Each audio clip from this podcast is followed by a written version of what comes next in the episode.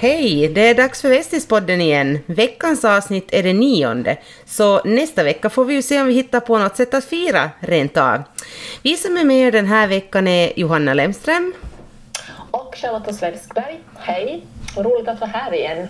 Förra gången var ju min podddebut. Ja, hej på er och välkommen tillbaka Lotta.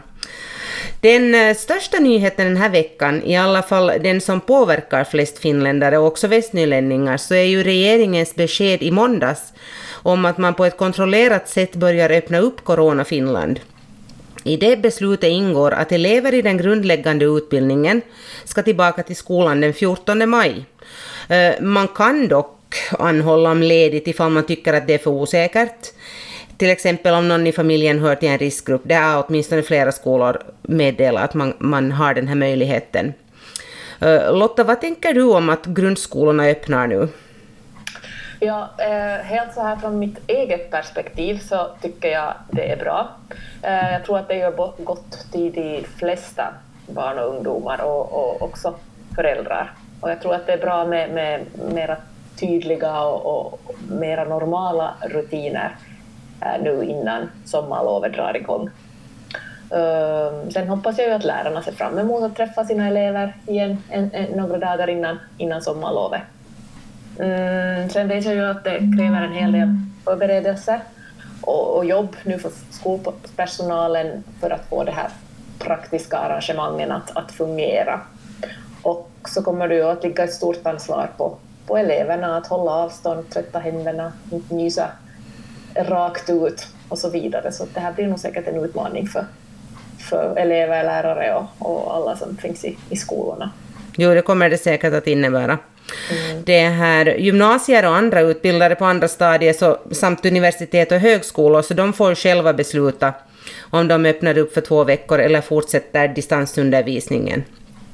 Mina två yngsta barn går i gymnasiet och just deras skola har åtminstone valt att fortsätta på distans. Och det blir inte heller någon vårfest i skolan, men däremot på distans.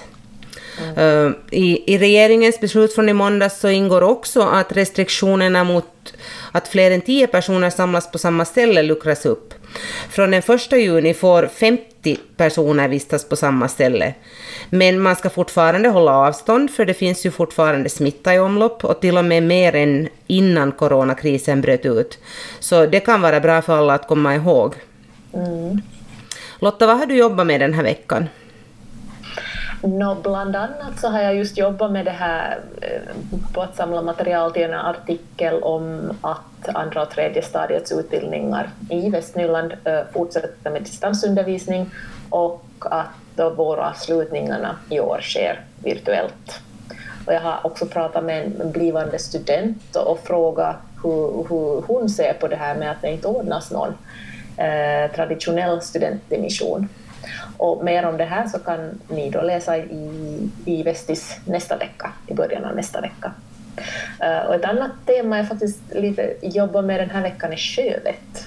jag har mm. tagit reda på hur man ska förbereda sig inför en, en färd och, och vilka de viktigaste sjövettsreglerna är för att då undvika olyckor och, och annat uh, oönskat under en, på, till sjöss. Um, och den här grejen kommer att finnas i vår sommarbilaga som då kommer att ut senare i maj. Så lite gott och blandat har jag mm. jobbat med. Och du då Johanna, vad har du jobbat med? No, jag har jobbat också med lite allt möjligt, från layout till reporterjobb. Eh, stadsstyrelsen i Raseborg möttes i måndags och skulle bland annat ha behandlat resultatet av stadens samarbetsförhandlingar. Men förhandlingarna hade inte avslutats innan styrelsemöte eftersom de, även de väntar på regeringens besked. Så ärendet drogs bort från styrelsen.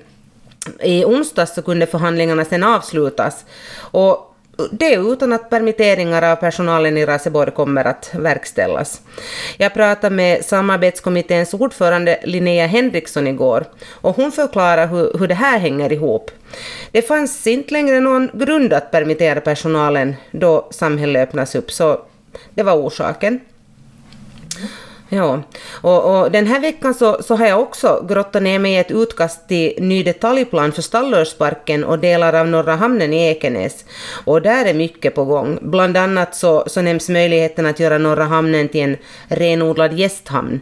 Och ni kan läsa om de här planerna i dagens Vestis och också reaktioner från, från det här. En, en som bor där i Norra hamnen, han heter Sven Sundström och har sin båtplats alldeles ett stenkast ifrån sin bostad och han vill ju ogärna bli av med den förstås. Mm. Mm. Vad annat har du tänkt på den här veckan?